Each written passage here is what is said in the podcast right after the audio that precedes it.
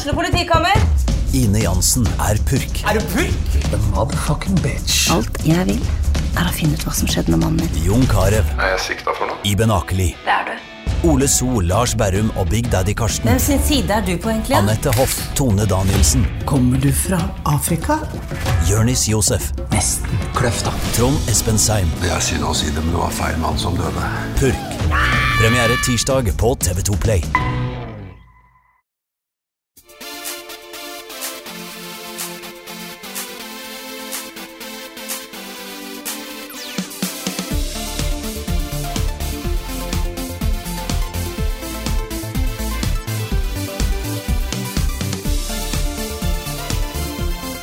Hallo og velkommen til en ny episode av podkasten Level Backup. Med meg Frida Danmo, og med meg har jeg som vanlig Karl Martin Hogsnes og Rune Fjell Olsen. Hallo, folkens. Hei. Hei, Frida. Hvordan har vi det i dag? Doktor Frida snart. Doktor Frida. Ja, da, da ta litt vel i. Det, Ja, er- men det er du hopper noen en masteroppgave. Jeg leverer snart master, Ja, og så skal jeg ta det er doktorgrad. ganske intenst, altså. Ja.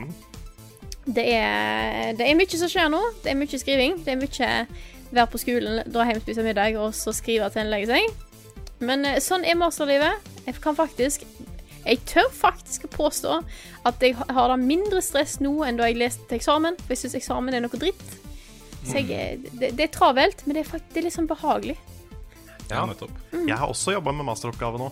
Ja. Ikke min egen, men jeg har, jeg har retta masteren til søstera mi. Å, Ja. Så um, jeg driver og retta liksom litt på engelsk og litt sånne ting. Så, Nice. så jeg, nå liker jeg å tenke at jeg vet litt om hva det vil si å skrive master. ja, ja. Har du lyst til å rette en ny master sånn i midten av juni? Mm, Det var en tull. Du skal få lov til å slippe da. det ja, jeg, vet ikke om, jeg vet ikke om du kan stole helt på meg. Nei, Jeg har ganske kontroll på engelsk, men, uh, men jeg ville nok kanskje Jeg ville, ville kanskje valgt noe andre hvis du kan. Ja, ja, nei, ja, det var, det var ment litt som en uh, spøk her. Jeg vet uh, hvor tungt det er å korrektur lese en master, så da å foreslå å lese en T er nok litt uh, Du skal få lov til å slippe det. Ja, nei, altså Holdt på å si hvis det er, hvis det er money in it for me, så Det var kompis, det, Karl. Det var Ja, ja. kompis. Nei, jeg fikk, jeg fikk betalt for den første, skjønner du. Og du gjør det, ja? OK. Ja, ok. Det, jeg har ikke penger å betale deg, for da blir det Nei, ikke det vet jeg. Men hvordan har vi det, folkens? Går det bra? Det er varmt. Det er veldig varmt. Jeg syns foreløpig det er veldig deilig. Jeg koser meg med den temperaturen her, jeg, også. Ja, jeg òg syns denne temperaturen her er fin. Det var litt varmt når jeg gikk hjem nå i stad. Rett og slett fordi at jeg har på meg dongeribukser og jakke. Og da blir det varmt. Eh, jeg er fornøyd med å kunne gå med litt sånn Å slippe på meg jakke, sånn som det er nå, og så er det sånn bra varmt. Så jeg slipper å sitte ute og fryse. Det gjør meg fornøyd. Men du har det litt pyton nå, Karl. Jeg misunner deg ikke den eh, toppetasjeleiligheten din eh, som står og steker i sola hele dagen. Nei, det er noe med det. Det er så høyt oppe, og eh, det er så varmt, og jeg har så dårlig Altså, jeg har jo et vindu som kan åpnes, og en dør. Mm. Jeg Gjør det jeg kan med det, men ellers så er det Det koker, ass. Ja, det er skikkelig flaks at du har en sånn jobb hvor vi må sitte inne og spille ganske mye, og så sitte inne ganske mye for å klippe. Mm. Ja. Ikke sant? Ellers så ville jeg bare sagt ta deg en tur ut da, Karl. Det er deilig skygge nå. Ja, nei, det er, det er ikke så lett det når man har en embargo man skal rekke og sånne ting. Nei. Men, eh, men jeg, skal ikke, jeg skal ikke klage. Det, mm, det går bra. Ja. Jeg må bare være litt forsiktig med når jeg drikker kaffe og sånn, fordi kaffe er varmt. Og da blir det bare enda verre. Men embargo, Karl. Ja. Embargo. Spennende. Mm. Mm. Vi har i eh, sittende stund nettopp publisert anmeldelsen av Detroit Become Human Da vet folk om når vi spiller inn podkasten, så da er Ja. ja. Mhm. Mm. torsdag klokka to. Yes. Torsdag klokka to, stort sett hver gang. Men uh, det, det er jo en anmeldelse mange har gledet seg til, og ikke minst mange som har gledet seg til spillet. Det er det. Det er veldig Mm. mye bråk fra fly utafor her nå. Jeg håper ikke det slår ut på podkasten. Jeg hører ingenting. Ingenting okay. heller. Det er bra. Ja, nei. Mange som har gleda seg. Og eh, jeg har jo da spilt gjennom hele spillet, pluss litt til. Og eh, skal jeg bare begynne, eller? Ja, kjør på. Kjør på. Sett i gang. Ja. Jeg la ut en eh, ganske lang anmeldelse nå, med litt blanda følelser. Jeg har jo ikke snakka med noen andre, bortsett fra litt Rune, som har spilt det. Ja, vi tok en liten session uh, i går, i går kveld Mhm. etter, etter streamen. Og så har jeg Det fått et par snaps. Ja. Ja. Jeg sendte deg den der uh, Androids have a way have a tendency of getting themselves set on fire these days. Det er eh, kanskje min nye favoritt-David Cage-replikk. Den er fin. Den er veldig Den er så fin. Så um, Ja, nei, jeg har, har veldig blanda følelser. Det er nok det vanskeligste spillet å sette en score på for, på lenge for meg. Mm. Fordi jeg følte hele veien Altså, jeg, jeg hadde til og med lasta opp anmeldelsen. Og jeg var fortsatt ikke sikker på om jeg hadde rik- gitt riktig score. Oi. Fordi eh, Husker du hva jeg sa til deg da, Carl? For mange år siden? Husker Ja. du hva jeg sa til deg? Jeg husker er du det. veldig i tvil? Er du veldig i tvil, så Ja, jeg husker du sa det. Men det som var vanskelig, det var at eh, Fordi jeg står for den karakteren jeg har gitt. Jeg ga det sju. Ja. Jeg følte det var litt snilt. Samtidig så følte jeg at en sekser var altfor slemt. Ja. Så jeg var nærmere en sjuer enn en sekser. Derfor så ble det en sjuer. ja, jeg ser den. Men, eh, men ja. Det er sånn som egentlig alle David Gage-spill, at det er veldig høye høydepunkter og veldig lave lows. Skal vi ta en liten oppsummering eh, av hvem han fyren er, i tilfelle det er noen som ikke, uh, ikke vet det, eller ikke husker det? Ja. David Cage har da lagd uh, Første spillet hans var Fahrenheit. Uh, og så har han lagd Heavy Rain og Beyond Two Souls. Dette er det nye spillet hans, som han spesialiserer seg på Og Quantic Dream, da, som er selskapet hans, spesialiserer seg på historier hvor spillerne får mye valg. Uh, og kan påvirke hvilken retning historien tar. Uh, Og dette- emotions. Emotions. Og Emotions. dette spillet foregår da eh, 20 år inn i fremtiden, hvor androider har blitt uh, en del av hverdagen vår. Menneskelignende androider. Og spillet tar for seg da temaet um, Hva er det å være et menneske, på en måte? Og eh, hvor, kun, hvor smarte, hvor menneskelignende skal disse kunstige intelligensene bli før man kan anse det, de for å være levende? Ikke sant? Mm. Ja. Så det er tematikken. Foregår da i Detroit. Overraskende nok. Riktig. Men sånn, eh, for å gå litt inn på de forrige spilla, da, så var jo spesielt Fahrenheit og Heavy Rain De ble jo veldig godt tatt imot da de kom. Mm. Eh, Jeg også digga jo Heavy Rain da de kom. Men de har ikke holdt seg så bra, altså. Nei. Det er mye der som er litt eh, Som skrangler litt nå. Med manus og med historiefortelling. For det var så kult å se det da det kom. Mm. At eh, han mer eller mindre hadde klart å lage en film som forandra seg basert på dine valg. ikke sant? Det var ikke så vanlig. Nei. Men nå er det veldig vanlig. Så nå eh, trenger man litt mer. Så terskelen har gått litt opp. Eh, og det gjorde det litt ekstra vanskelig å anmelde, kjente jeg. Mm. Fordi Føler du at Detroit klarer å ta det ekstra steget? jeg syns det er det sånn Jeg tror jeg syns det er det beste David Cage-spillet, sånn totalt sett. Men jeg syns også f.eks. Until Dawn gjorde det bedre. Så um, ja. Det, det, det er en utvikling der, men den er kanskje ikke helt så sterk som den burde vært. Mm. Du nevner jo også, eh, eller viser, Life is Strange uh, i anmeldelsen. Det er også et spill som gjør den, den der interaktive historiefortellinga mye, mye bedre, syns jeg, da. Ja, jeg er enig. Altså så mer um, Jeg vet ikke, mer troverdig eller mer uh, gjennomtenkt. Jeg vet ikke helt hva jeg skal, hvilket ord, hvilke ord jeg skal bruke for å, for å si det, men uh, bedre. En bedre historie. En bedre historie. Ja, det er litt sånn um, Jeg skal ikke gjenta alt jeg sier i anmeldelsen, men um, Det blir litt vanskelig siden den har kommet på et tidspunkt der verken jeg eller Rune har sett anmeldelsen, så vi må liksom Jeg har sett anmeldelsen. Og så har Rune. ja. Å ja, OK, da er det bare jeg som er ut forbi eh, dette her. Ja. Men jeg kan, jo, jeg kan jo si en ting som jeg ikke gikk inn på i anmeldelsen. da Og det er den der eh, måten du eh, beveger deg på i spillet.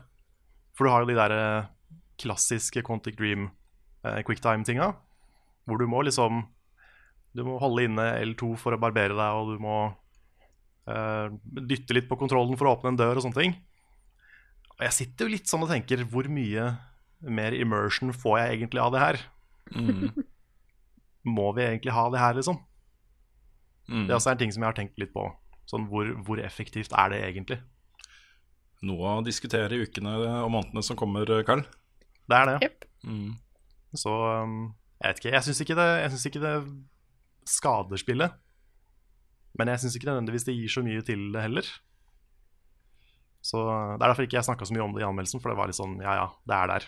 Det er sånn Det er som i det. Heavy Rain, og det, det bare er sånn. Mm. Men uh, jeg vet ikke. Vet ikke om det er lurt eller ikke. Nei. Jeg da syns uh, Jeg har også spilt gjennom Detroit. OK. Um, og jeg syns det var veldig, veldig, veldig, veldig kjedelig. Ja. Så hvis Wow. noen der ute så min anmeldelse og tenkte her syns jeg Carl var streng, jeg skulle gitt dette spillet til Rune Ja, Du er jo hadde- enda mer negativ enn meg. jeg hadde, jeg hadde muligens savna på en femmer. Um, maks en sekser. Jeg syns ikke det er drittdårlig, liksom, men jeg syns historien er har altfor mange svakheter, altfor mange billige løsninger. Eh, for svak dialog, for svake rollefigurer. Det er ikke alt som er dårlig. Det er noen av rollefigurene jeg liker veldig godt. eh, Og det er noen av eh, scenene og scenarioene jeg liker godt.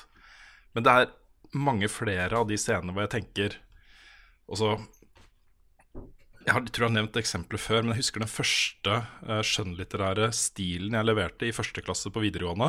De tilbakemeldingene jeg fikk på den, og de følelsene jeg satt med etter å ha tenkt litt gjennom hva jeg faktisk har skrevet. På hvor liksom Altså, hvis man sitter der og bare vet hva neste replikk er hele tiden sitter, ikke, ikke gjør det, liksom. Ikke, ikke vær så enkel, og så er han det. Og så blir det sånn ah, Kom igjen, da! Overrask meg litt. Gjør noe, gjør noe spennende. Gjør noe interessant, liksom. Gjør, gjør noe som uh, man ikke forventer. Uh, lag rollefigurer med litt flere nyanser. Eh, lag historieløp med litt flere overraskende vendinger osv. Ikke sant? Nå er det jo på en måte oss selv da, som står for de overraskende vendingene, men de er ikke så overraskende, for det er enten det eller det. Noen ganger eller det også, men, men det er ikke Man kan se for seg hele løpet, da, hvis man velger de valgene man øh, har gjort. Så kan man se for seg ok, da kommer det til å skje, og så skjer det. ikke sant? Og det syns jeg er så skuffende. Det er så noen bør fortelle David Cage at uh, han uh, bør overlate historien til noen andre. Så kunne det blitt sinnssykt bra, rett og slett. Ja, jeg syns fall- jeg syns i hvert fall han burde hatt et par co-writers. Ja. For jeg syns han er inne på ting. Mm. Uh, og noen scener er veldig bra, syns jeg. Men han burde hatt noen til å utfylle der han ikke er så bra. Mm. Men du, hadde, du har et interessant poeng også, fordi jeg også øh, digga Heavy Rain da det kom ut, og Fahrenheit, og halve Beyond Two Souls. Mm. Uh, men det har skjedd ting etterpå uh, når det gjelder narrative spill. Og der henger ikke David Cage med lenger, syns jeg. Jeg syns det er for, uh, for svak historie. Ja, jeg har jo fortsatt litt, eh, litt håp da, om at han skal eh, klare å lage et ordentlig bra spill. Men han må ha en co-writer for å gjøre det. Ja, det tror jeg også. For historie i spill har kommet så langt. Mm. Eh, og det er veldig, veldig mye som har skjedd i, i historiefortelling, rett og slett, i spill. Eh, du ser det jo bare for eksempel i Det er veldig lett å sammenligne med God of War akkurat nå, men så jeg gjør det. Eh, fordi at der har du et spill som på en måte viser hvor langt historie og karakterer har kommet i spill. Mm. David Cage har ikke, har ikke fått med seg det, kanskje.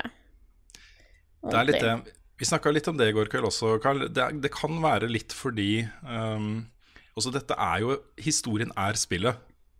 I hvert fall 80 av det vil jeg si er historien og dialogen og rollefigurene. Um, hvis man er for clever, så kan det hende man mister en del folk.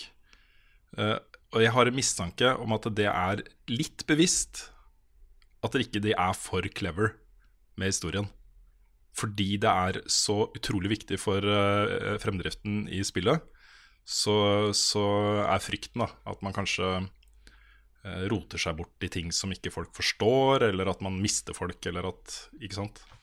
Så det, det er mulig at det er delvis bevisst. At det går liksom så utrolig forutsigbart rett på sak uh, så ofte. Ja. Men eh, sammenlign, denne historien da med, med Eksmakene, som er samme tema. Hvor utrolig mye større impact den historien gjør, også den filmen da, til Alex Garland. Eller Zuma. Eller Zuma. som òg har samme type tematikk. Mm. Sant? Nei, det, det inntrykket jeg får av å, se, av å se noen av de scenene her, det er jo at David Cage har sett veldig mye film. Mm. Og løfta en del ting rett fra filmer han har sett. For eksempel ehm, så er det et sånt buddycop-element i det spillet her. Hvor det er da du er en android som får en ny partner, og han er sånn derre I don't need a partner. Og så har du en politisjef, det også prata vi om eh, i går, Rune. Ja. Som er sånn derre God damn it, you used the necessary force. Ikke sant? Det er sånn Det er alle klisjeene. Absolutt alle politiklisjeene. Wow. Ja, han, han, er mest, han er mer på bar enn han er hjemme. Ja. ja, han er sånn drunken, mørk- drunken uh, sur kopp, ikke sant. Ja, mørk fortid, hater androider. Ja, Og en litt sånn halvtjukk eh, sjef som er sinna på han. Ja, sitter og Og en annen, en annen sånn agent som bare er douche. Det er han som sier uh, Androids have a way of getting themselves set on fire these days. Mm, Jeg føler jeg har hørt denne historien før. Ja, ja da. det har du. Det er, litt, det er litt synd også, fordi dette er jo superinteressant og relevant. Og det, det jeg likte aller best med spillet, og det likte jeg veldig godt, det er jo verdenbygginga. Det å gå rundt i Detroit om 20 år, altså 20 år inn i fremtiden, med all den teknologien eh, de har lagt inn i spillet, med selvkjørende biler og busser og eh, droner som leverer ting, og levende papir og eh, klær som forandrer farge og har teknologi. Og så alle disse tingene her. Androider som handler med hverandre. Også det er en av de androidene du styrer. Går jo til en maleri, altså malingbutikk og kjøper maling. Bare den lille scenen der, hvordan han betaler for det og signerer for det, og så går da med pakken tilbake til eh, eieren sin, liksom. Alle de tingene syns jeg var kjempekult. Det likte jeg veldig, veldig godt. Ja. Jeg liker, jeg liker det visuelle generelt, egentlig. Mm. Hele altså, måten den byen ser ut på. eh, det frem, framtidsbildet som de lager, Mm. er veldig bra. Og, og så er det noen veldig bra enkeltscener, syns jeg. Ja. Um, men helheten rakner liksom litt mot slutten. Mm. Uff da. Jeg likte jo også noen av rollefigurene. Den eneste jeg egentlig likte godt, det var Connor, som er uh, uh, politietterforskeren. Ikke han forfylla, men han androiden. Mm. um, der, får du, der får du Hvis du ser hele den historien i, i sammenheng, og så tar bort alle avbrytelsene fra de andre historiene, så er den ganske god. For den har en liksom klar begynnelse og midt og slutt, og har en utvikling og eh, litt lengre vei fra å være bare en androide som følger ordre, til å bli mer bevisst på et jeg, da. Det er jo på en måte det som er essensen i spillet. Mm. Det at disse androidene begynner å bli selvbevisste, ikke sant? Og føler, føler at de lever. Uh, og Connor går jo gjennom den samme reisen. Det er ikke alt også, Jeg tror ikke det er alle uh, de valgte historiene som ender på samme sted, men eh, det er jo den reisen han tar, ikke sant. Den syns jeg var god, og hadde jeg hadde en sånn tanke etter at jeg var ferdig om at kanskje dette spillet hadde vært bedre som tre enkeltstående historier enn én historie hvor de liksom har bruddstykker fra alle om hverandre, da. Jeg, jeg tenker litt at de kanskje skulle tatt en Sonic.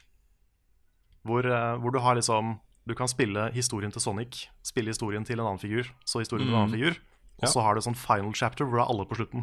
Ja, kanskje Ja. det. Det hadde vært eh, tror jeg, det beste for det spillet her. Mm. For eksempel den historien om uh, Marcus, som, uh, uh, som er hjelperen til en veldig kjent kunstner, eh, når du møter han. Der er det mye, altså. Den, den kunne godt ha vært lengre, den interaksjonen mellom de to. Mm. Men den er liksom plutselig over. Eh, Ja. Du får altfor lite av det. Ja, jeg syns kommer- generelt historien hans er litt rusha. Ikke sant? Og så kommer eh, den klisjésønnen til han kunstneren inn ikke sant? og er sur på Marcus fordi han har tatt plassen hans, på en måte. Og så, så blir veldig sånn Ja, selvfølgelig gjør han det, og så blir det et problem, liksom. Ja, akkurat det likte jeg, da, men eh, jeg, jeg, jeg ser jo at det er litt sånn Det er litt klisjé i det. Ja. Men, men Marcus-historien var veldig sånn opp og ned, syns jeg. Mm, For der også var det noen veldig kule scener. ja. Um, selv om de, de skjedde ganske fort, så syns jeg den uh, tempoet i den historien var ganske kult samtidig. Mm, At det var en del uh, stilige settinger der. Ting Ja. som skjedde med liksom det store, store bildet.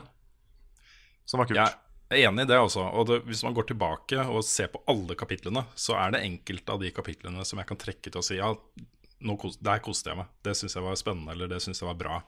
Så det er ikke Jeg, jeg syns ikke det er et dårlig spill, jeg bare syns det er litt kjedelig. Og Ja.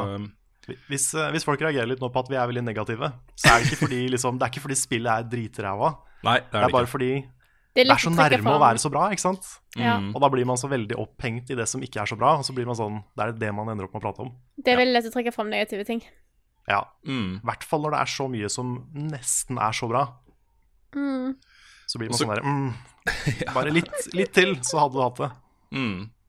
Og så har det litt det samme, men ikke i nærheten av like stort. Litt det samme problemet som Beyond.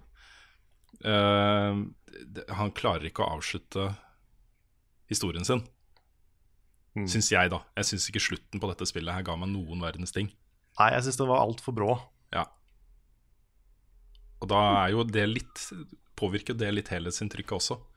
Så jeg hadde ikke noe umiddelbart behov for å gå tilbake og prøve andre valg og gjøre eh, nye vurderinger og teste ut andre ting, liksom. Jeg følte meg Ja. Det var Detroit. Ferdig med den. Så, og det er jo ikke bra eh, for et sånt type spill, hvor det er jo meningen. Du får jo disse her flowchartene. Um, heldigvis så kan du ikke gå rett tilbake da, på de flowchartene. Det snakka vi litt om da demoen kom. Eh, du kan ikke gå rett tilbake um, du, Ja, du kan gå rett tilbake og ta det siste kapittelet. Eh, Ok. Da går du til hovedmenyen, og så velger du bare det kapittelet, og så starter du på nytt med en ny save, da, og skriver over din gamle. Men du kan ikke gå fem ledd tilbake og så gjøre en andre valg. Da fortsetter du derfra, liksom. Ja, OK. ok. Så, så det syns jeg var bra, da. At ikke du får sånn umiddelbart muligheten til å endre ting hele tiden, liksom. Ja, jeg gleder meg Ja. til å sette meg ned med dette spillet, her, merker jeg. Bare for å, for å se hva, hva, hva det er. Mm. Ja, jeg har, jeg har litt lyst til å bare prate litt mer i detalj om det en gang. Mhm. Se om vi klarer å få til en eh, spoilercast eller sånt. Mm. Det hadde vært gøy. Ja, jeg er med, Ja. også altså. Ja. Gi det, gi det litt mer tid til folk har hatt tid til å spille det. Mm. Men For det kommer jo i eh, dag som podcasten slippes. Yes. Stemmer det? Det er helt sant. Men da har vi snakka mye om Detroit, så jeg lurer på om det er noen som har spilt noe annet? Disse Jeg har, spilt, jeg har så vidt testa Dark Souls Remastered, som kom Ja. eh, i Ja. går, på torsdag. Um, Jeg kom det ikke i dag? jeg tror det kom 24. Ah, okay. Jeg lurer på det. Jeg så det i salg på Steam uh, uh, i dag, som Ok, er torsdag for oss. Da så. Ja. Så ja, I dag eller i morgen. Jeg vet ikke, Mulig at det kommer på PlayStation og sånt uh, på fredag. Det kan hende. Eh, men uansett, den ene tanken jeg har, er at hvis du allerede har Dark Souls Prepare to Die Edition og laster ned den moden, hva er den heter, en DS6? DS-fix? DS-fix. S- Jeg vet ikke. Det, altså det, det er ikke noen store forskjeller mellom de to. Det er ikke noen stor forskjell mellom det jeg spiller hjemme hos deg i uh, Soulmates-serien vår, Carl, og denne versjonen. Nei. Men den er jo nå tilgjengelig da, på PlayStation 4 og Xbox One i en uh, god versjon, liksom. Like god som den Prepare to Die Edition med DS-fix. Det er jo en kjempeting. Så hvis du ikke har uh, spilt Dark Souls på en stund, eller aldri har spilt det, og du bare har PlayStation eller Xbox One, så er det et åpen, åpenbart kjøp, syns jeg. Uh, og du får jo da i det du får i tillegg på PC-versjonen, er selvfølgelig uh, online-biten. Hvor det kommer nok til å være ganske folksomt, i hvert fall de neste månedene. Eh, med invadering av eh, andre spillere og legge igjen notes og sånne ting. Det er jo en ganske viktig del av spillet, vil jeg si.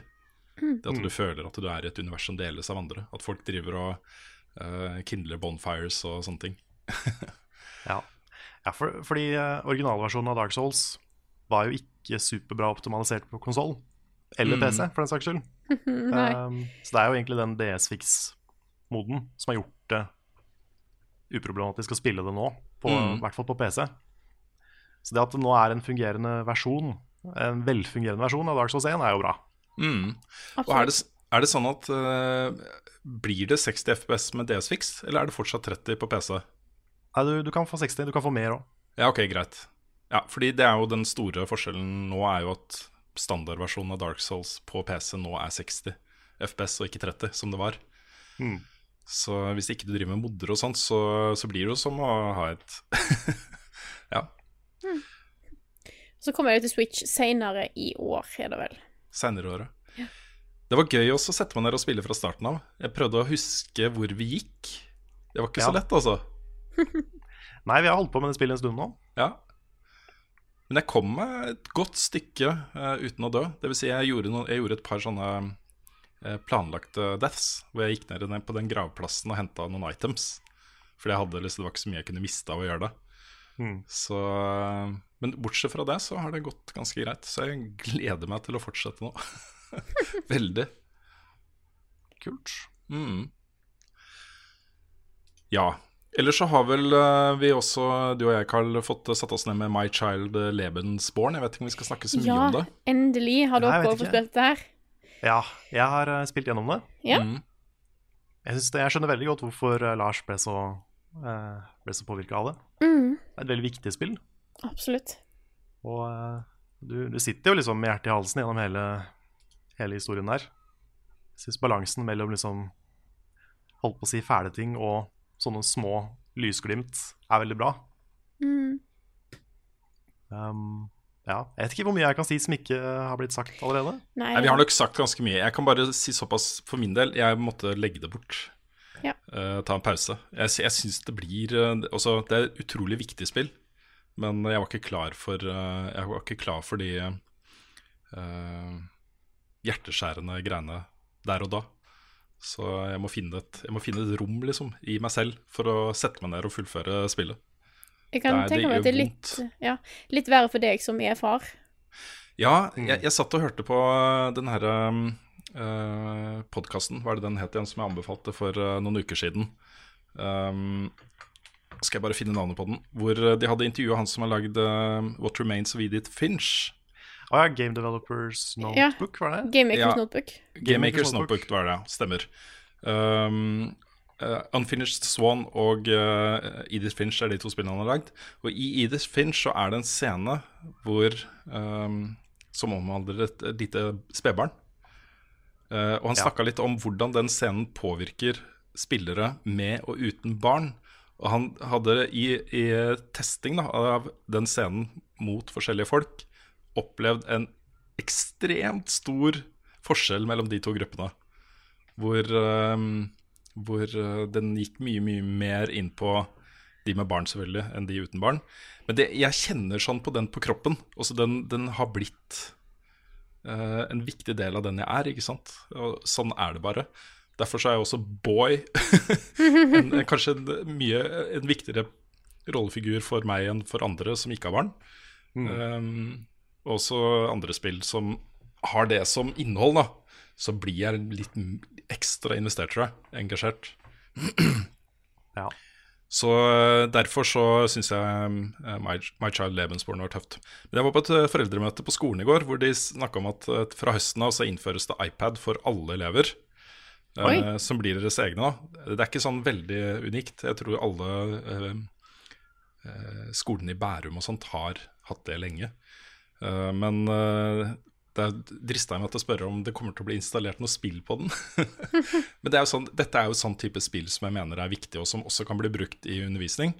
Eh, særlig eh, fordi jeg vet at de aller, aller fleste skoler, om ikke alle barneskoler i Norge, er veldig opptatt av eh, mobbing, inkludering, um, hvordan man behandler sine medmennesker.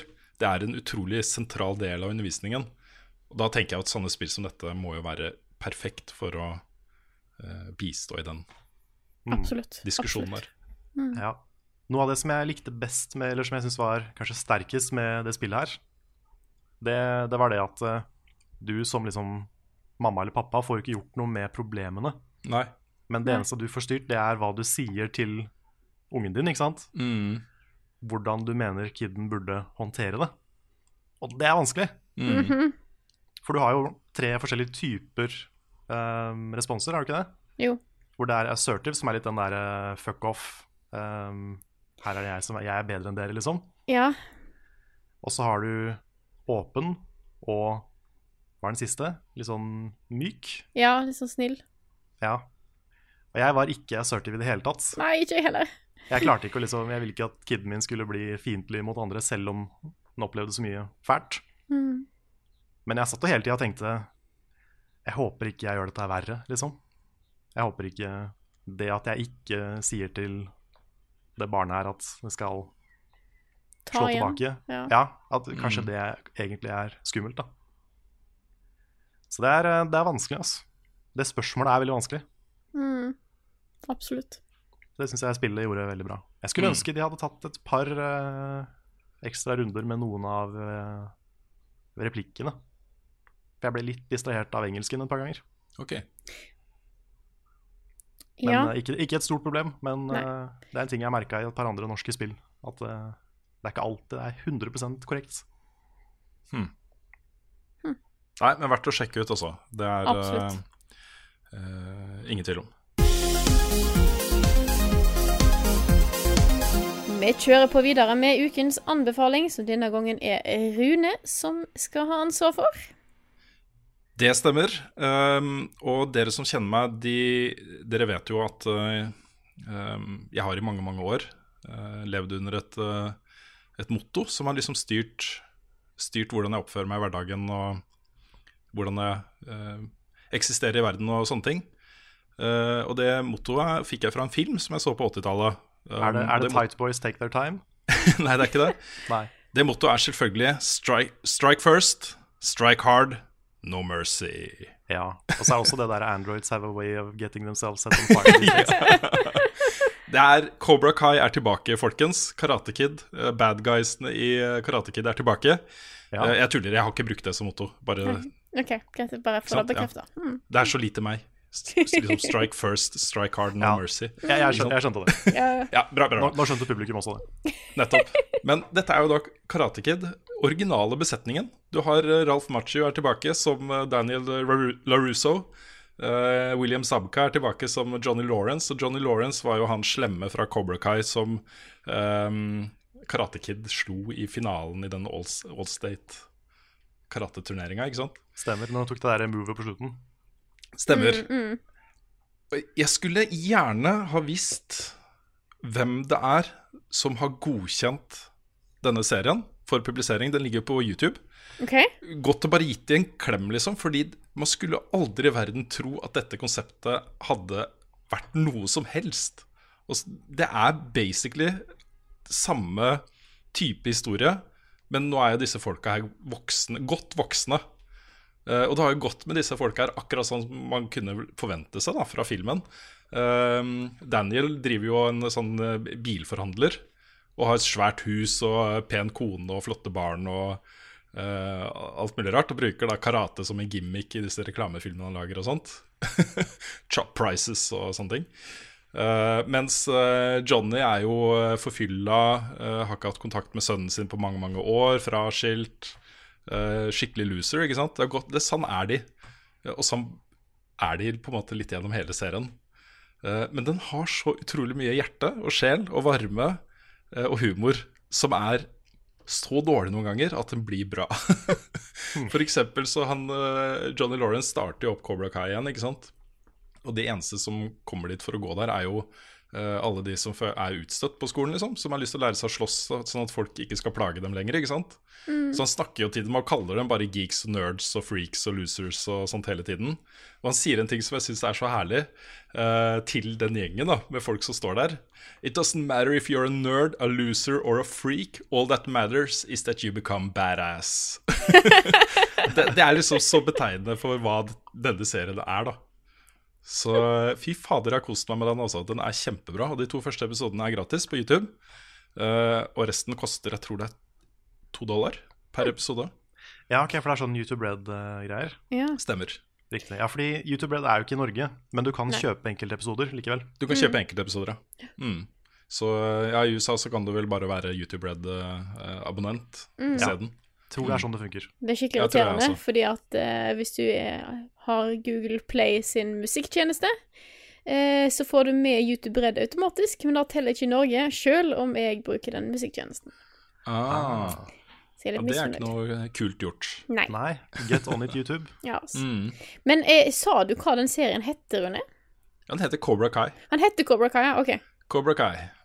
Ja, den er helt nydelig, uh, og den kommer til å fortsette. Det er liksom det, Dette er første sesong.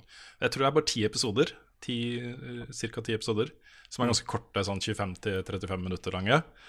Um, og det er virkelig ikke bra, altså. altså ikke sånn kvalitetsmessig bra. Ref. David Cage. Uh, men men det, er, det er dårlig på den riktige måten, hvis du skjønner mener. Ja. Så er det veldig sjarmerende, og da blir man liksom litt sugd inn i det, ikke sant? Så Men ja, det, her- kunne, det kunne David Cage gjort. ja, ikke sant? sant? Han kunne lent seg inn i den der campy, halvdårlige greia Mm, og lagd noe kjempegøy. ja. Ja, Han, gjør ikke det. han, prøver, han prøver for hardt å være for mørk og alvorlig og dyp, ikke sant? Og da Han tar det for til. seriøst. Ja. Tror det er et poeng, altså. Mm. Hvis du Nei, hører på David Cobra- Cage. Ja. Nei, men Cobra Kai er noe av det festligste og mest underholdende jeg har sett på lenge. Det, er, eh, det var eh, Jeg likte den overraskende godt. Og det er ikke så lett Etter en eller to episoder så er det ikke sikkert at man ser helt hvordan det kan stemme, men eh, den smyger inn under huden og lager et sånn deilig rom av eh, 80-talls nostalgi og masse greier. Så ja, anbefales. Da skal vi ha nyheter, så jeg bare gir ordet til Rune igjen. Vær så god. Battlefield 5, eller Battlefield V. Ja. Yes. Ja, det var jo en, en pressekonferanse slash talkshow. Uh, avduking av Battlefield 5 uh, uh, Ja, det var jo onsdag kveld, rett etter vår stream. Med Trevor Noah som eh, vert. Det var litt gøy. Han gjorde seg innmari bra, altså. Han var flink. Det var, eh, han kommer helt sikkert til å bli brukt flere ganger. Kanskje allerede på etere, jeg vet ikke. Uh, men Battlefield 5 ble avduka. Det er da, som alle har uh, gjetta for lengst, fra andre verdenskrig. Tilbake til andre verdenskrig. Det lanseres den 19. oktober for alle, men det lanseres den 11. oktober på uh, EA Access. Og den 16. oktober hvis du kjøper forhåndskjøper deluxe-utgaven. Så det er litt sånn sp sp ja. Viktig med tre releases, tenker jeg. Viktig med tre, tre releases, og dette er jo rett rundt lanseringen av eh, Red Dead Redemption 2. Um, de har baller nok til å kjøre på. Um, men en av de hyggeligste nyhetene her er at det ikke vil være noe premium pass lenger. Det betyr at når du kjøper spillet, så får du alle oppdateringer av spillet, nye kart og bla, bla, bla, gratis. Det kommer ikke til å være noen delser, Det kommer ikke til å være noe eh, premium-innhold som man må betale ekstra for. Da liker jeg. Da har jeg rett retning. Og det er Ja. Det har blitt veldig veldig godt tatt imot av fansen også, fordi ja. uh, det er jo kanskje den Battlefield-funksjonen som har fått, fått mest kritikk. Uh, og de brukte jo litt eh, tid på det uh, på den pressekonferansen også, hvor de snakka om at det som skjer, er at community blir uh, oppstykka. For hver gang de gir ut nytt innhold for penger, som folk må bruke penger for å kjøpe, så er det noen som faller fra. Så dette gjør de for å, for å sikre at eh, miljøet er samla gjennom hele livsløpet til Battlefield 5. Da. Um, det kommer til å være mikrotransaksjoner, uh, men det kommer til kun til å være kosmetikk. Uh, og de sa jo også til og med at det man kan kjøpe for ekte penger, kan man også tjene seg til ved å spille spillet. Det jeg. Så Det er en ja. bra kombinasjon. det jeg tenker, da altså Nå går det jo helt totalt andre veien fra der de var med uh, Battlefront 2. Som jo starta hele den derre Hva er det dere holder på med-greia, mikrotransaksjonsdebatten, ikke sant? Uh, dette er på en måte drar den helt ut i andre retningen. Eh, og jeg tenker at det er litt sånn eksperiment. da At Nå ser de hvordan det går. Fordi jeg blir mer villig til å bruke penger på mikrotransaksjoner for å liksom funde videre jobbing med spillet, og for å få ting. Når det er fullstendig valgfritt, og det ikke gir noen fordeler i spillet, så blir jeg mer sånn Ja, OK, men da kan jeg bruke 20 kroner på å få en, en lærfrakk som jeg syns så kul ut, liksom. jeg blir mer vennlig innstilt til det med en gang. Mm, men jeg er helt så det kan, kan hende at det er et eh, smart valg også. At de fortsatt kommer til å tjene en del penger på det. Ja. Men uh, Hva sa du? Skulle du si noe, Karl? Nei? Nei, uh, bare jeg, jeg er spent på om eh, EA Om vi kommer til å merke det på EA på E3. At de er litt sånn forsiktige og litt sånn uh, Litt sånn lei seg for Battlefront 2. Sånn, hjelp med fuck up. La oss prøve å få folk tilbake på vår side. Ja, fordi altså, jeg, jeg kan allerede se hvordan den chatten kommer til å se ut. Ja. Så jeg lurer på om de kommer til å adressere det i det hele tatt, eller om de bare kommer til å kjøre den der standard, veldig selvsikre, bare Hey, it's all about the games.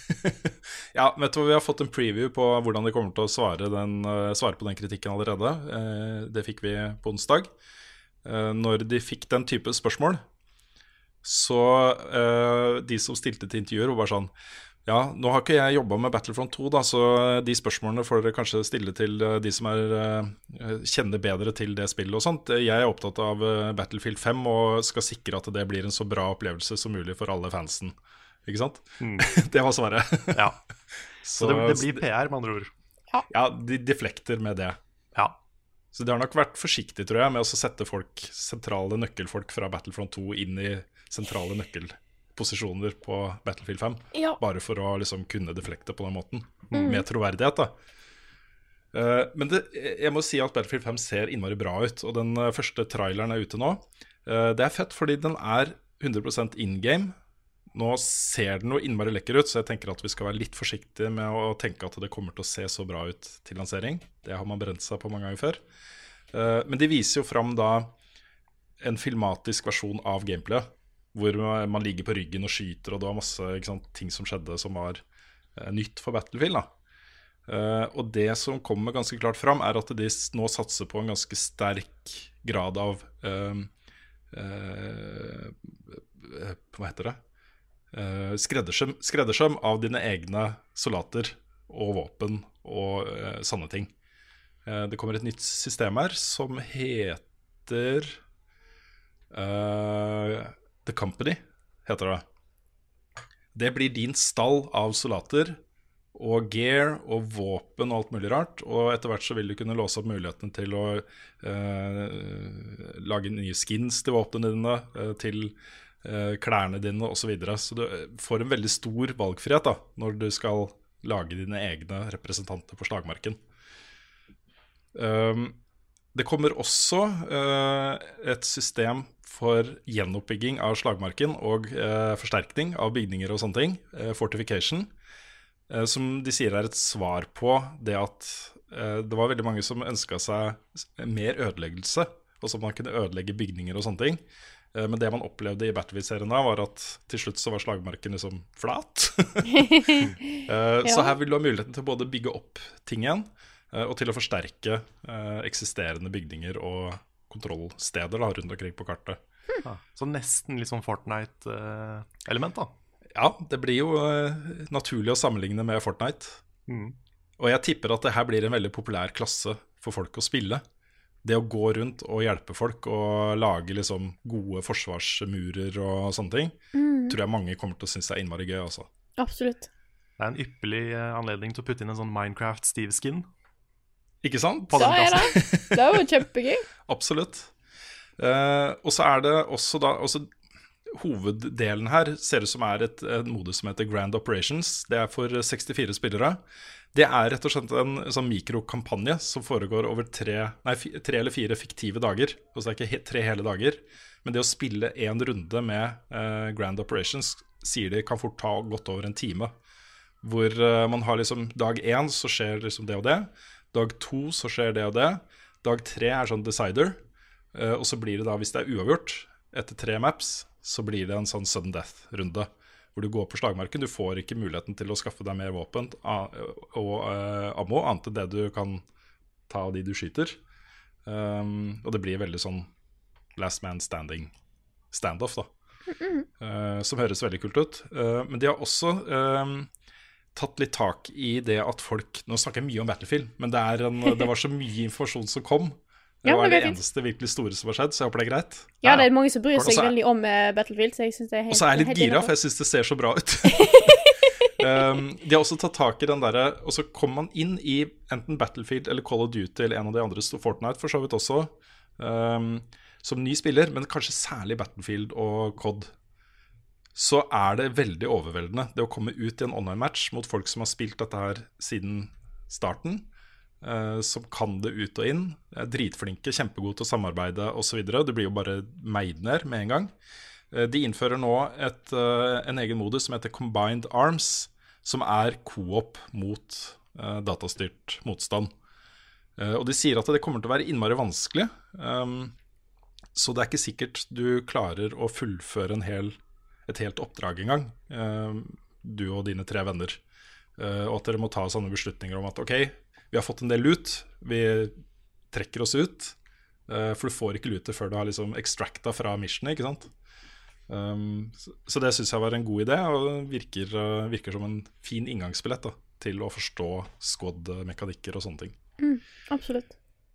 War Stories er også tilbake. Det er jo da singleplayer-delen som ble innført i Battlefield 1. Eh, og eh, et av eh, en av disse krigshistoriene er i Norge. Nice. Ja, det ser veldig flott ut også. Det var jo helt opplagt på sånn, i hvert fall mot Vestlandet, oppe i fjellene. Du så litt fjorder og snødekte fjell og, og sånne ting. Det, det, kommer, det, ja, det så veldig stilig ut, rett og slett.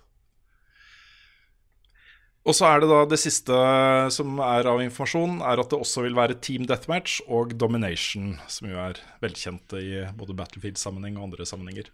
Det blir en full pakke, og det virker som om de nå lager et system som de har tenkt skal leve en stund. I hvert fall et år, kanskje to, eh, fram til Battlefield 6 eller hva det nå er de skal erstatte det med. Eh, og det virker også som om de kommer til å introdusere nye eh, arenaer i andre verdenskrig underveis.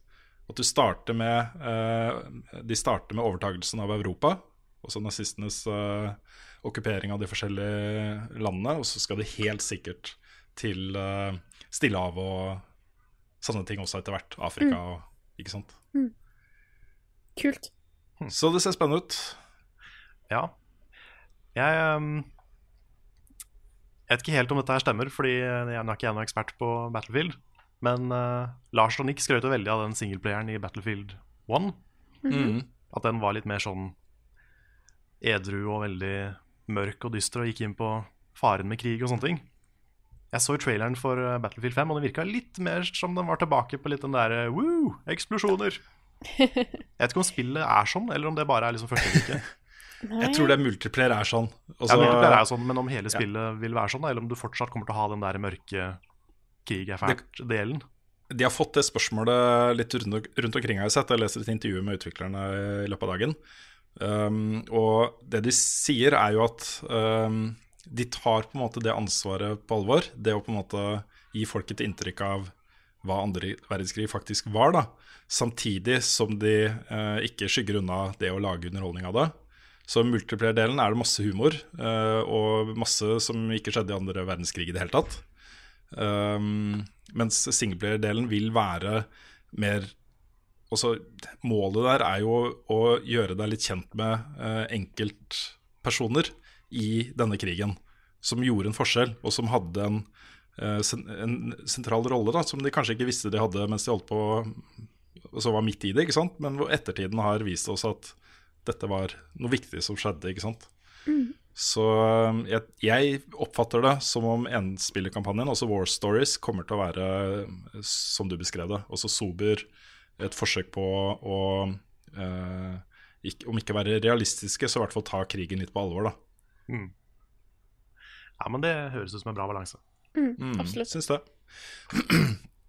Vi nevnte Fortnite. Uh, Epic setter nå av 100 millioner dollar i premiepenger for Fortnite-turneringer i løpet av det kommende året. Jesus Christ. 100 millioner dollar i premiepenger. Det, snak, det sier litt om hvor stort det markedet her er. Ja, Hvor mye er penger de tjener på Fortnite? Fortnite. nå, oh. så kan du glede deg. Men også Ninja, som jo er den mest kjente Fortnite-streameren i verden. Uh, han tjener liksom 500 000 dollar i måneden og har det ganske fint. ja. Han var jo med å arrangere en Fortnite-turnering i Las Vegas for noen uker siden. Uh, og det virker som om Epic har tatt litt utgangspunkt i det som skjedde der, for å uh, forme hva e-sport skal være for, i Fortnite uh, i året som kommer.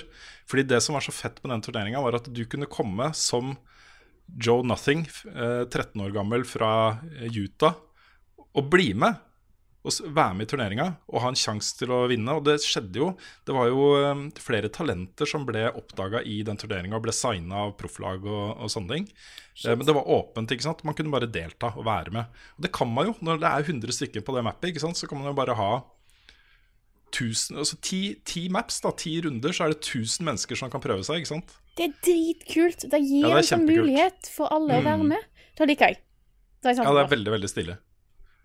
Eh, og Du så jo også at Ninja vant jo to runder, tror jeg, i den turneringa. Så det er jo sånn, er du kjent for å være god?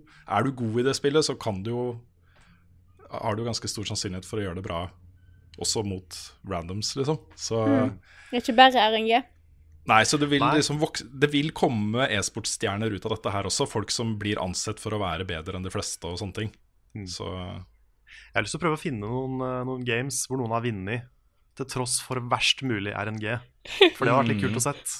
ja. Jeg har lyst til å vite hvordan de liksom håndterer alt det som kan være super uflaks i de spillene der. Mm. Nei, jeg har, tror jeg, Vi snakka litt om det for noen uker siden også, men jeg har tro på Battle Royale som e-sport. Altså. Jeg tror det kan bli kjempegøy. Så jeg gleder meg til å se hva som kommer ut av dette. Vi skal innom en sjanger som vi ikke er så veldig inne i selv, men jeg føler det er verdt å uh, nevne disse nyhetene. Uh, okay. Paradox, som jo er et svensk publishing- og utviklerstudio. Eh, de står jo for litt den derre hardcore-delen av strategisjangeren. Det Yep. for de folka som virkelig virkelig vil drive med tallknusing og liksom sitte litt sånn innbitt og holde på en stund, liksom. Eh, og syns det er morsomst, da. Eh, de kommer nå med et nytt spill som heter Imperator Rome. Det er de samme utviklerne som har lagd eh, Europa Un Un Universalis Og eh, Crusader Kings. og Crusader Kings. Eh, og det er ikke så mye som er kjent om spillet ennå, men eh, bare det at de lager et sånn type spill til, er jo gode nyheter for alle som er opptatt av den sjangeren. Det kommer også et nytt Age of Wonders-spill fra Paradox. Eh, Det er vel Triumph Studios som lager det, som heter Planetfall. Sci-fi Age of Wonders. og så har de også en kickstarter for brettspill basert på spillseriene sine. Det også så veldig eh, kult ut. Ja, Først ut var vel Crusader Kings, hvis jeg husker rett. Stemmer. stemmer. Mm. Uh, og det vil da komme for City Skylines og alt mulig rart etter hvert. Skeptisk til City Skylines brettspill? Den skjønner jeg ikke. Crusader Kings og disse her er en ting. Jeg har sett en del Ja. Crusader Kings fordi Petter er veldig eh, engasjert i det. Mm. Uh, jeg ser ikke et brettspill for City Skylines hvordan det skal funke. Jeg får, får det ikke til å gå opp. Men uh, altså, disse folka er flinke.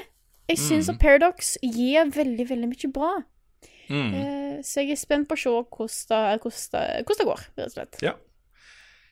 Det er et lite hull vi har. Vi må sette oss ned med det der etter hvert, tror jeg. Ja, det, jeg tror du bare sånn- trenger en del timer til det, skjønner du. Mm. Ja. For jeg, jeg har vært inne i strategispill i min tid, men det er sjanger som jeg har dette litt av. Altså. Og så er det så stor forskjell på Command and Conquer og uh, Crusader Kings, liksom. Altså, Ja. Ja, det, det er Ja. Om ikke to verden, forskjellige verdener, så er det i hvert fall Ja. Ja. For du har liksom Command and Conquer, Age of Empires, og så har du Civilization, og det er liksom, de har likhetstegn, Ja. men de er også veldig forskjellige alle sammen. Ja, Ja. for du har alle disse her sant, eh, Crusader Kings, Europa Universalis, Hearts of Iron Alle disse her er ganske heavy eh, på strategibiten. Mm. Der, er- det, du, det noe sånn, du kan ikke bare sitte og spille litt. Det er et spill du på en måte setter deg ned med, og så setter deg inn i det. Det er nesten litt forskjell mellom Football Manager og Fifa. Ja. nesten. Ikke helt, men nesten. Mm. Greit. To the Moon blir animasjonsfilm, folkens. Ja, Mhm. Veldig, veldig stilig den eh, videoen som han skaperen av To the Moon la ut for å fortelle om denne nyheten her. Jeg hadde aldri sett han i intervjuet før, men han er liksom så softspoken og sånn er veldig, veldig humble og- fyr. Ja. Det var uh, kult. Mm. Han sa vel i eh, Jeg husker ikke ordrett hva han sa, men eh, han sammenligna denne filmen her med Your Name. Um, brukte det som et eksempel på hva de sikter mot kvalitetsmessig, og sier at det er et, et av de beste animasjonsstudiene i Japan som lager, uh, lager denne filmen. Eh, og at den er finansiert av investorer fra Kina. ikke at det er så relevant, kanskje, men eh, det er jo, en- jeg, jeg, jeg har ikke spilt spillet, men jeg vet jo det er en veldig spennende historie. Jeg har jo sett uh, innslaget ditt, uh, Carl. Jeg begynte Ja. jo på det på nytt igjen etter det, det tenkte sånn, Å, det er på US. Nei, på, på Android. Prøvde jeg det, og så skifta jeg telefon, og så kom jeg aldri inn i det igjen. Men nå har jeg satt det opp igjen, nå som jeg vet det har kommet film. Bare for å få Nice. med meg historien. Det er så bra, det spillet. Mm. Men det er også Nå har vi jo sett veldig mange ganger at man fort kan bli skuffa av uh, spillfilmer, men uh, det her er en historie som kan funke som film. Mm. Mm. Den er ikke så interaktiv at du mister noe særlig. Nei. Så um, jeg husker jeg tenkte på det mens jeg spilte, at liksom dette her skulle jeg ønske jeg kunne dele med flere som en film. Mm. Fordi historien er så bra. uh, bare sånn helt satt for seg sjøl, da. Mm. Så eh, jeg har litt trua, altså. Så lenge han får eh, litt eh, kreativ kontroll og litt sånn. Ja. Det tror jeg kan bli bra. Mm. Han er jo involvert på manussiden og, og sånt her også, så Mm. who knows. Vi spennende. Um, ja. Og så kommer det da et spill til høsten som alle gleder seg til. Det kommer et nytt uh, Leisure Suit Larry-spill til høsten. Ja. Det er på tide at vi skal svare på litt spørsmål fra våre kjære lyttere. Så da begynner vi selvfølgelig med en aldri så liten vignett.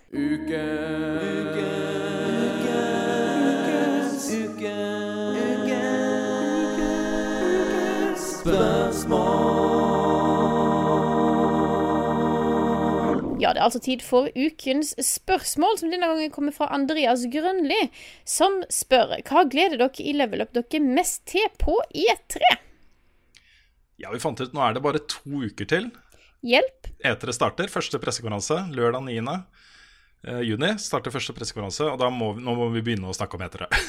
så Derfor så valgte vi et E3-spørsmål som ukens spørsmål. Ta og Hype deg litt opp. Ja, Ja, ja.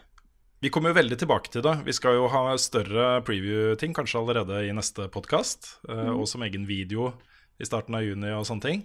Eh, men vi kan begynne å tease det litt nå, tenkte vi. ja.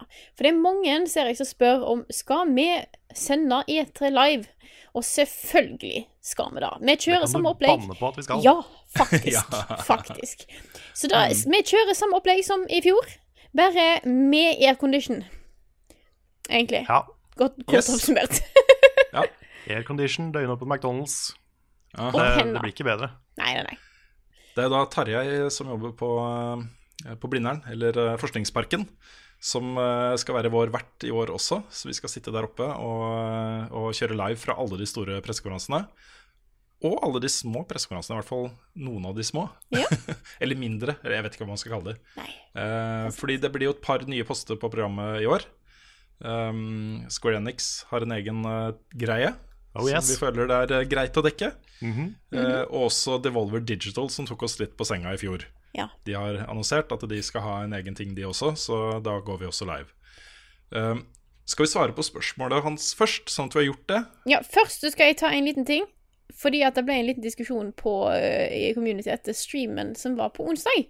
Det var snakk om at vi kanskje kom til å ha en litt amputert stream pga. en streik. Den streiken er avblåst, så ting kom til å gå som normalt for de som frykter det. Og da kan vi ta og svare på spørsmålet hva er det vi gleder oss mest til på E E3? Ja, og der kommer vi tilbake da til mer, liksom. For vi gleder oss ikke bare til én ting, men vi tenkte å ta én ting nå, Ja. Ok, ja. Som vi gleder oss til på året etere. Hva er det vi er mest spent på? Skal jeg begynne? Ja, i- Gjør det, altså, ja, gjør det, du. Jeg er jo mest nysgjerrig på Shadows Die Twice. Ja. Du tror du får sett litt fra det? Ja. Jeg er nesten helt sikker på at det dukker opp nå. Mhm. Vet ikke hvor, men uh, har jo en viss mistanke om at det kommer, opp, kommer til å dukke opp på Sony. Har jeg lov til å si at jeg skjønner For at et av erfaring så pleier Sony å ha veldig bra ting, syns jeg. Så det, jeg, har jeg lov til å bare si at jeg gleder meg til å se om Sony har et eller annet sånn breathtaking, kast meg av stolen-opplegg. For det er alltid litt interessant. Om de plutselig om de har et liveorkester igjen, eller om de bare plutselig teaser et nytt svært spill som God of War og sånne ting. Mm. Det, det, det, er ting som, det er ting som Sony plutselig bare gjør, og det liker jeg. Ja, plutselig så har de elefanter på scenen.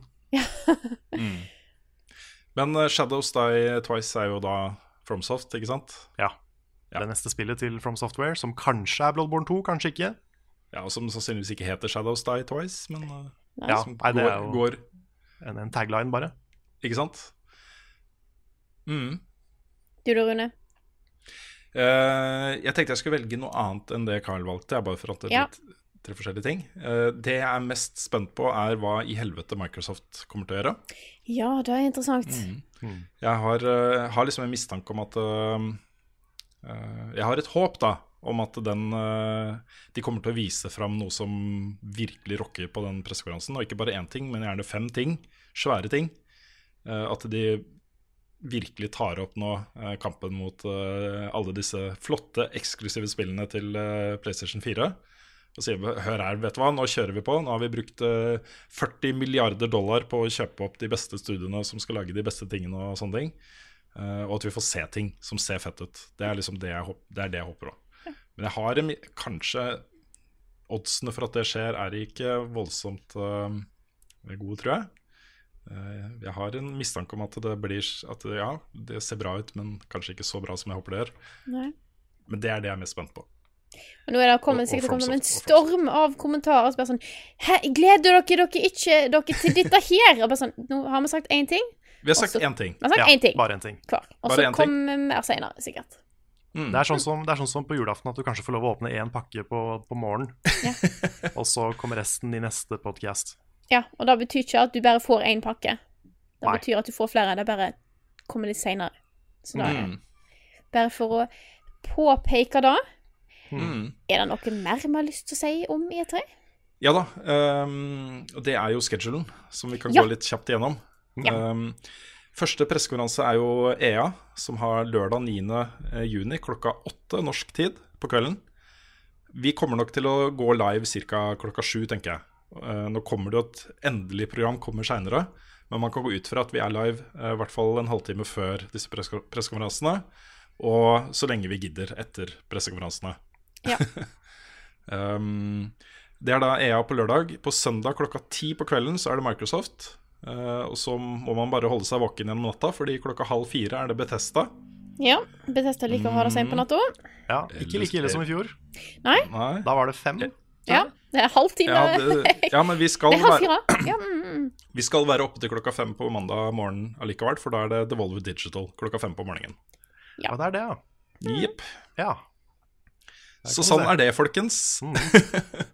Eh, det kan, ja, vi kan jo vurdere da om vi skal flytte den til uh, mandag ettermiddag før uh, Vi kan kanskje se akkurat den i opptak, for det er jo mest sannsynlig et humorshow. Ja, det er preprodusert, det også, som det Mm. var i fjor.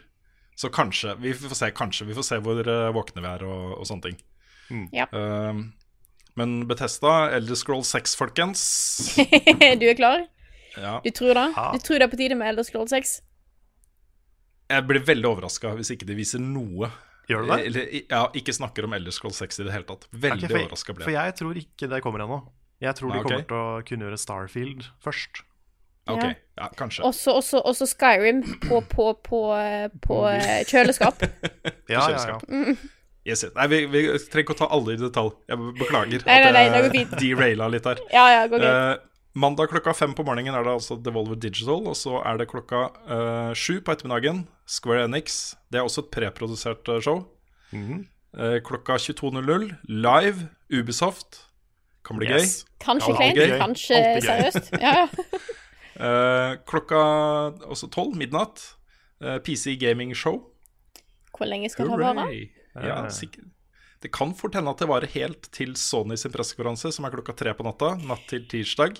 Drep Ja, det kan godt hende. Ja, det kan faktisk godt hende. Uh, og så sover vi litt, og så er det da siste pressekonferanse er Nintendo klokka seks uh, på ettermiddagen tirsdag 12. juni. Mm, Da, er vi, da har vi vært mye live, altså. Og uh, i fjor så kjørte vi litt sånn Cards Against Humanity og litt sånn surprise streams gjennom nettene også, så det var å følge med. Vi hadde masse folk som så på oss, så det var kjempe, ordentlig gøy, Også. Ja, det var det. Så jeg tar nok med Cars Instrument igjen. Mm. Så kan Bra. vi se hvordan det går. Så blir det helt sikkert litt eh, Jackbox på sida. Ja, det hadde vært gøy. Mm. Og kanskje det der uh, Hidden Agenda, var det det? Ja, det som eh, Lars snakka om. Ja. Ja, det hadde vært gøy. Mm. Vi, vi Nei, tar det er- litt spill. Det kommer til å bli kjempestas, også. Jeg gleder meg veldig.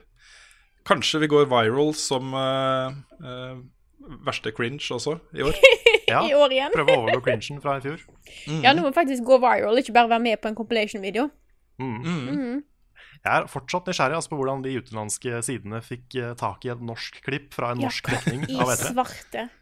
Ja, Jeg mest, hvis, hvis, hvis en av våre lyttere sitter der og bare sånn Det var jeg som sendte inn klippet. Så vet du hva? Så jeg nesten vil vite det, for jeg syns det er litt kult. Jeg sy I så fall så er jeg liksom Jeg er litt stolt av at vi havna med der. Så det er ikke sånn at jeg bare sånn Kan ikke du si hvem du er? Det er sånn hva er, jeg gir deg- gir deg en sånn liten takk fordi at, eh, for, eh, for at vi har havna der. Men eh, Ja, altså det var et life goal å bli med i en cringe compilation. ja. Ja da. Uten tvil. Yes. Sier han som bare smøg seg unna i det øyeblikket dere begynte å danse. Ja. Ja. Det var jo, det var jo en internvits, da, så den har ikke, liksom, den har ikke landa helt hos det internasjonale publikummet. Nei, den var ikke det. Men, eh, men det får være greit. Mm. Yes. Nei, men da tror jeg, hvis ikke dere har lyst til å nevne noe mer med E3 Nei. Nei, Ikke ennå. Nei, men da hopper vi videre til spørsmål. Eh, eller, eller mer spørsmål blir det jo egentlig da. Vi begynner med et fra Lars Halvard Olderkjær Isdal, som spør om vi har noe forhold til Studio Ghibli. I så fall, hva er deres favorittfilm er fra deg? Elsker Studio Ghibli. Veldig glad i det. Same. Det er, liksom- det er, det er noe med den derre stemmen til, eh, til uh, Miyazaki, den heter. Ja. Ja. Som, uh, som er så gjenkjennelig fra film til film også. Selv om det er totalt forskjellige historier og sånne ting. Han er så god på å lage, lage både handling og rollefigurer som, som skiller seg ut. da Så utrolig fantasirikt. Det er ikke uten grunn at han blir kalt for eh, Japans eh, Astrid Lindgren. Nei, det er sant. Sant Akkurat når det kommer til favorittfilm, så er det sånn Jeg har faktisk et par av de store Ghibli-filmene jeg ikke har sett. Men jeg er veldig veldig glad i den første Ghibli-filmen jeg så, som var 'Spirited Away'. Jeg synes det er en fantastisk film. Jeg er òg veldig glad i Howl's Flying Castle. Mm. Mm. Jeg tror kanskje Mononoke er min favorittfilm. Ja, den òg bra.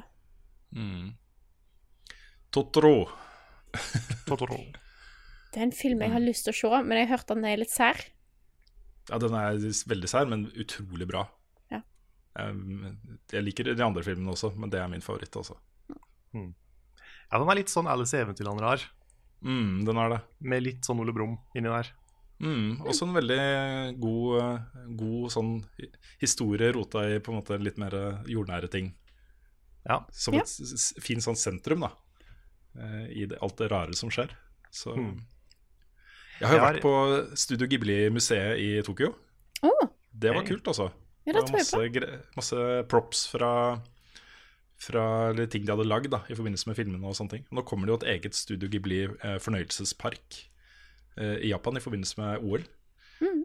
Så Jeg har, jeg har ikke sett Grave of the Fireflies. Jeg har hørt at den er veldig bra, og veldig, veldig fæl. Ja, jeg har har lyst til å se den. Mm. Kanskje det jeg skal gjøre nå, Så at jeg bør ta opp igjen uh, Ghibli-filmer jeg ikke har sett. Maybe. Maybe. Og så, nå er jeg litt crazy, for nå bare kaster jeg dette videre, rett videre til dere. Hallo, spørsmål. Har dere sett noe gøy? Oi. Ja, ja. Det er veldig rett på Ja, jeg, har, jeg, har et, jeg kan ta et par stykker som er litt relatert til hverandre. Ja. Og så kan vi svare kjapt på det. Det er ikke noe vits i noen lange diskusjoner. Det er et fra Anders Berge som lurer på om vi ser på Patrion-backerne som investorer, sponsorer eller abonnenter. Uh, hvor stor prosentandel av Level Up sin finansieringsmodell utgjør Patrion i dag, og hvor mye ser dere for dere at den vil utgjøre i fremtiden? Uh, tror dere Patrion vil kunne livnære Level Up også i fremtiden? Og til slutt, hvor involvert blir Patrion-backerne fremover med tanke på utformingen av Level Up? Det var det ene spørsmålet. Eh, vi kan ta det andre etterpå. Ja, gjerne. Jeg vil si at jeg, jeg, jeg ser på backerne som en blanding av sponsorer og abonnenter, egentlig. Mm. Um, det er uh, elementer av begge deler. Men jeg tenker at det vi ser, er forløperen til abonnement. Altså forløperen til brukerbetaling. Um, eller klubbmedlemskap, eller hva man skal kalle det. Uh, men jeg vet at det er mange av våre backere som um, ser det som ikke charity, men bare sånn De vil gjerne at vi skal fortsatt lage innhold. Uh, derfor så donerer de. Uh, men vi vet også at det er mange som skjønner at uh, det koster penger å lage innhold. Og da Ja. blir det jo på en måte abonnement. Ja, det blir det. Mm. folk, ja, folk, Det det folk har en den sånn- abonnementsprisen sjøl. Ja, ja, det er litt som en sånn Humble Indie Bundle, på en måte. Ikke sant? Ja. Mm. Helt sant. Eh, prosentandelen er vel i hvert fall 80, kanskje 90. 90 i dag. Ja. Mm. Det er, Den, det er eh, Patreon som gjør at vi holder på, rett og slett. Uten tvil. Og så ut, hadde det ikke vært for det, så hadde vi ikke holdt på. Uh, det er, det er altså, Vi hadde kanskje holdt på, men da hadde vi hatt andre jobber. Så hadde Ja. det blitt mye mindre, mindre hadde- innhold. Jeg, jeg, ville tippe, jeg vil tippe det bare hadde vært podcasten. Er Hvis, nok hvis vi hadde hatt fulltidsjobber på sida. Ikke sant? Jeg tror kanskje du har rett i det. Vi, vi skulle jo gjerne sett at vi hadde flere andre inntekter også, eh, og det jobber vi med. Så i hvert fall i dagens situasjon så tenker jeg at det beste hadde vært om det var 50-50 omtrent. Ja, Mm. Litt sånn basert på at vi trenger egentlig dobbelt så mye penger som vi har. Ja. ja, for hvis halvparten hadde kommet fra Patreon, halvparten hadde kommet fra uh, en sponsor, en, Ja. en fast sponsor, Mm, um, eller i hvert fall nesten halvparten, og så hadde vi litt sånn oppdrag på sida. Ja. Ikke sant? Det hadde vært uh, perfekt. Mm. Så hvis du er en eh, stor sponsor med masse penger, så er det bare til å ta kontakt. Hvis du Ja. sitter på noen milliarder, så, så, så vi, vi sitter her, altså. ja, vi gjør det. Ja. Eh, men uh, drømmefremtiden er jo at vi skal slippe å tenke på de tingene. At det kanskje er eh, 5000 mennesker som betaler en liten sum i måneden uh, for å Ikke for å se innholdet vårt, men ser det som en abonnementsgreie, da. Eller en Mm. klubb eller et eller annet. Ja, for det, vi sier jo dette her hver gang, men det er litt viktig å si at uh, målet vårt er jo ikke at de som allerede er på Patreon skal betale mer. Nei. Eh, for vi er det er, ikke, det er ikke egentlig det Patreon er. Det handler om at mange skal gi litt, istedenfor at Mm. noen få skal gi veldig mye. Ja. Og, Så vi har ikke lyst til å liksom, noen gang presse folk til å heve beløpene sine. Mm. Nei, nei, nei. Det, det føles veldig feil. Ja. Og så var det et uh, spørsmål om hvor involvert Patreon-backerne kommer til å bli i, i fremtiden. Uh, med tanke på utformingen av level up. Og det er jo en litt vanskelig balansegang. Um, vi må finne en balanse mellom uh, hva som er kreativt tilfredsstillende for oss, og hva de 1100-1200 backerne på Patreon ønsker å se, eller tror de ønsker å se. Eh, kanskje, også Hvis man bare spør hva vil dere ha, så får man et svar, og så lager man det, så mister man jo muligheten til å overraske folk med ting som er enda bedre. ikke sant? Så vi må beholde litt eh, den kreative friheten til å lage ting vi mener er riktig å lage. Men eh, det er mange tilfeller hvor man kan få god hjelp fra å spørre backerne, rett og slett. Og der blir jeg alltid veldig letta når jeg ser responsen. Fordi eh, det virker som publikummet vårt er veldig åpent for at vi gjør nye ting. Ja. Og det er, sånn, det er det veldig mange publikum på YouTube og rundt omkring som ikke er. Jeg Nei. liksom Minecraft. ja, eller kommentarfeltet til andre youtubere, liksom. Mm. Det øyeblikket de har lagt ut en ny type video, så er det jo nesten flere dislikes enn det er likes. Mm. Og så mange sure kommentarer. Så det, det at ikke det er sånn hos oss, det er jeg veldig veldig glad for. Mm, Ja. Absolutt. Og så må vi også legge til at vi, vi har jo en viss formening om hva backerne er mest type på å se. Um, så, så vi følger jo på en måte litt den greia allerede. Uh, vi vet også at liksom en viss prosentandel av backerne er kanskje mer glad i én ting enn en annen ting. Så vi kan ikke ta et snitt da, av hva Patron-backeren har lyst på, og så bare lage det. Uh, vi må jo prøve å lage ting som er litt forskjellige også. Så det er ikke meningen at man skal like absolutt alt vi lager, selv om noen gjør det også. Det er jo kjempefint. Ja. Mm. Det andre spørsmålet er fra Daniel Kvien. Eh, om VG plutselig skulle angre, eller om andre melder sin interesse, ville dere da ha forlatt indie-tilværelsen? Om premissene er gode nok, eller er dere fast bestemt på å bygge deres egen plattform med Buffkitten? Um, vanskelig å svare på. Ja. Um, men jeg tenker at den greia vi har nå, med det fellesskapet som vi har med de som eh, både ser på og backer oss, og de tingene vi lager, ville nesten vært galskap å gitt fra seg det, til fordel for å bare produsere for et annet medie, liksom. Jeg tror Ja. ikke det er lurt, altså. Uansett. Nei, Og nå- også vi den er jo veldig fri. redaksjonen vi er. ja. Ikke sant? Vi er jo veldig fri til å lage det vi vil. Mm. Eh, det er jo på en måte et problem med en gang du kommer inn under et mediehus. Da blir du kanskje litt mer låst Eller du kan bli mer låst Mm. eh, til hva en skal lage. Ja, Nå da blir det gjøre det vi vil. 100 Fortnite-videoer. Ja. Og så har vi jo sett uh, i Trivia Monster Party at hvis Rune får muligheten til å ta pengene og drepe meg, så uh, det er jeg villig til å gjøre. Altså. Jeg hadde ikke gjort det i virkeligheten, Carl. Nei, jeg vet det. Jeg, vi sitter jo med muligheten til å gjøre ting med kontoen vår, begge to. Ingen av oss har gjort det. Nei da. Men uh, det jeg tror, da Jeg, jeg tror jo at eh, det, har, det ligger en eh, mulighet for noen her til å bare eh, hjelpe oss med å bli større, og på den måten også tjene mer penger. Ja. Um, Det hadde vært interessant å se hvor, eh, hvor mange betal, betalende abonnenter i anførselstegn vi hadde hatt hvis vi hadde blitt hos VG og gjort akkurat det vi gjør i dag. Bare det vi gjør i dag. Som en egen satsing kun på YouTube og med pusha det mest eh, salgbare innholdet vårt fra VG-nettforsiden, f.eks. Mm. Kanskje. Så eh, vi er ikke Jeg vil ikke lukke den døra, men det, er- vi har det veldig bra som indie. Og det skal litt til å, å friste oss til å gjøre noe annet. Det Pengene er ikke det aller viktigste ennå, i hvert fall. Nei. Så Hmm. Ja. Yep. Yeah. Ja, da er det Carl sin tur til å komme med et spørsmål. Vær så god. Ja, jeg kan ta et veldig sånn uh, kjapt spørsmål først. Ja. Fra Jostein Rajesh Johnsen. Hva er favorittdyret deres, ikke katt eller hund? Oi. Jeg har jo et veldig spesifikt svar på dette her. Jeg har jo eh, sansen for akvarium, som dere kanskje har fått med seg. Og jeg har et mål i livet. Det er å få meg et 1500 liters akvarium. Kanskje 2000 liter, snakk med nå. I hvert fall 1500. Der jeg kan ha en Saudacanticus SP Scarlet. Det er Å, De er så fine! ja, de er så fine. Det er ei malla. Den er svart og oransje og er dritkul og blir 40 cm lang. Hvis du, sø det er, eh, det er, hvis du søker L25, altså bokstaven L, ikke noe mellomrom, 25, og trykker på enter og går på bildet på Google, så finner du den. Fordi at eh, Malle har eh, en L-sortering. Den. Den skal jeg ha. Det er min plan. Så du kan ikke Scarlett. Ja, jeg, visste, jeg visste ikke hva det var. Nei, det er, jeg regner med at ingen som vet hva det er. Det er derfor jeg sier at jeg har et veldig, veldig sært, spesifikt uh, svar. Uh, men sånn er det når du eh, har jobba på dyrebutikk i ni år. Ser den? Jeg Tror jeg må si rød panda eller kattebjørn.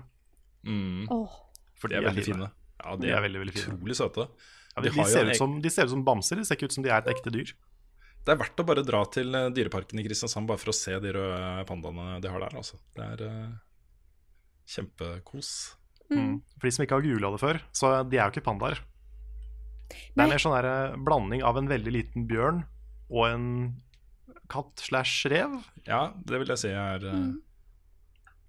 ja, Mm, en sånn hadde egentlig, veldig lang, svær, bushy hale. mm, De er veldig fine. Jeg jeg hadde egentlig tenkt også å si, si rød panda, jeg også. Men Ja. da sier jeg noe annet. Ja, Eh, Otere er fine. Dovendyr, Ja, Ja. de er kule også. det er det. Det er de som er konstant høye, er det ikke det? Jo, jo, bare, bare sånn ja. En Ja, fantastisk eh, scene i eh, den derre su... Zootopia. Ja. Mm. Zootopia. Ja. Hvor de jobber i, eh, i Biltilsynet. ja, oh, det var den er herlig, altså. Ja. Mm. Very nice. Yes. Kan jeg få ta okay. et uh, siste spørsmål? Hvis ikke noen andre har noen andre spørsmål? Kjør på. bare kjør på. Avslutte med en litt sånn derre Det er siden det er helg, og i helgen kan man spise. Ja. Og Godteri, ja, jeg har på lista. Mm. Magnus Siem eh, lurer på hvordan er den perfekte snopposen? Oi. Dette er sånn personlighetstest, folkens. Ja. Mm. Mm. Hva velger man i den perfekte snopposen? Jeg husker jeg hadde en venninne av meg som vurderte eh, potensielle nye kjærester ut ifra hva de likte å spise av snop. ja, ikke sant? Oi. Mm, Det her er skummelt. Skummelt er eh, territorium. Hmm. Skal jeg begynne? Ja. Begynn. Ok. Jeg vil si en kombinasjon av sånne, her, eh, sånn Haribo kirsebær. Oh. De er veldig gode. Og rissjokolade. Kanskje ikke samme posen, for det blir sånn sjokoladesmuler på det andre. Så jeg pleier å ha to forskjellige poser hvis jeg er i Sverige, f.eks. Det er noe av det beste da, med å blande. Det At du får litt sånn surt uh, sukker på sjokoladen og sånt. Nei, jeg syns ikke det. Ok. Jeg, jeg liker at det er liksom hver sin. Uh, også sånne sukkerfersken. Sånne som Nick har kjøpt uh, 100 av hver gang. Mm. De tre tinga er en, det er en bra godispose. Jeg er stor fan av krokodiller, men kun de oransje. Hmm. Det er viktig. Det er en veldig stor forskjell i smak. Så Mm. kun de oransje. Eh, og så er jeg veldig opp og ned hva jeg vil ha. Det er, jeg tror det er Candy King som har noen sånne lange, røde jordbærstenger-greier. De er gode. Men de er lange, og det, det, det er bare noen plasser du får tak i de. Um, ellers er jeg glad i ting med colasmak. Ja. Eh, og så gjerne ha litt, litt sjokolade oppi der òg er good. Det må være litt sjokolade. Sånn der eh, Å, hva er det? Det er sånne små eh, runde sjokoladebiter med sånn der Hva er det? Det er ikke Nonstop, men sånn bitte små Mm, fargebiter oppi. Med sjokolade inni. Nei. ikke? Nei, jeg vet hva det er. Jeg kommer ikke på hva det heter. Ja, det var, var min. Jeg må, jeg må ha en um, Det må være bygd opp som en, uh, som en god bok eller film. Liksom. Altså, det må være Oi. Ta meg med på en reise. Okay. En, En smaker. kulinarisk reise. En kulinarisk reise. Ja. Nei, men jeg liker å ha liksom flere ting, da. Eh, At ikke det bare Jeg ikke ha bare sjokolade eller bare sure ting. Jeg vil ha Godtepose er ikke komplett med mindre den har eh, dekker alle matgruppene innenfor godteri. Så sure ting, gjerne veldig sure ting. Um, men sure føtter er liksom som ofte det er en sånn eh, vinner i min godtepose. Uh, og sjokoladen foretrekker jeg som mokkasjokolade. Mokka er kjempegodt. Å, det er så godt, da! Ja, det er helt oh, fantastisk. Um, dronningsjokolade har jeg spist uh, som lørdagsgodt. Bare dronningsjokolade. Den her kokesjokoladen. Det er så satans godt. Nida hadde før sånn, der, en sånn to lag sjokolade som var melkesjokolade og mokka oppå. Ja, ok. Den har de slutta med, og jeg var så god. Og så må det være uh, Er det punchballer det heter? Det høres veldig det, og punchballer. Ikke sant? Det er bare Mm. camferdrops og Eh, de, er, de er jeg veldig glad i. Eh, og så må det være noen sånne skumting. Jo mykere og bedre. Det er noen av de som er ganske store, som er rosa og hvite. Jeg vet ikke hva det er for noe. Ja. Og så er de litt, ikke sure, men det er litt sånn Det er ikke bare søtt. Det er litt sånn fruktig smak i det også. Jeg tror du må eh, sette inn dette her i en sånn powerpoint-presentasjon. ja. ja. Med grafer og sånn kakediagram og Mm, mm. Så, men det jeg kan si det jeg ikke er så glad i, det er veldig harde ting. Altså sånn eh, um, Ja, det må ikke være for hardt. Jeg, jeg vet ikke helt hvorfor, men eh, det syns jeg ikke hører hjemme i godtepose. Uh, og så er jeg ikke så glad i uh, lakris, og hvis det skal være lakris, må det være salt lakris. Skulle hatt en tur til Sverige før etter det, altså. Åh, det må vi gjøre. ja. Ja. Så kan dere handle En harrytur. Mm. Mm. Det er ikke så dumt, det, altså. Nei. Nei. En investering i uh, seine kvelder. Mm. Og så liker jeg å ha litt potetgull ved siden av, som jeg kan spise sammen med sjokoladen. Oi.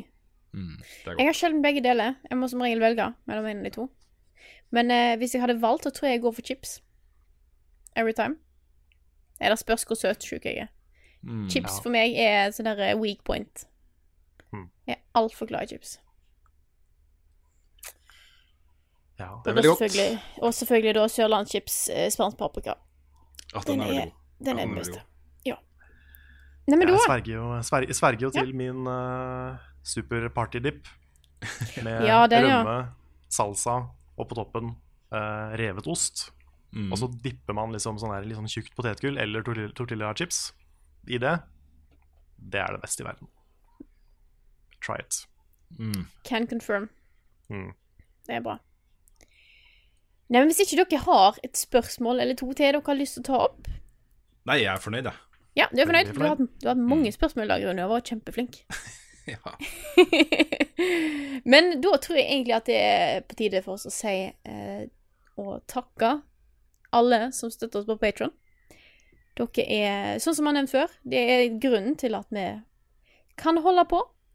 Og eh, dere er rett og slett de beste folka, faktisk. Det er dere. Ja. 11 000 hype. 11 000 hype. Vi har nådd 11 000 igjen. Igjen, ja. Mhm. Jepp. Da er det er veldig gøy å se at den er på vei opp igjen. Mm. Absolutt. Så tusen takk til alle dere som støtter oss på Patreon, og så får jeg si takk for oss. Takk for at du hørte på denne episoden av Level Backup, og så snakkes vi igjen neste uke.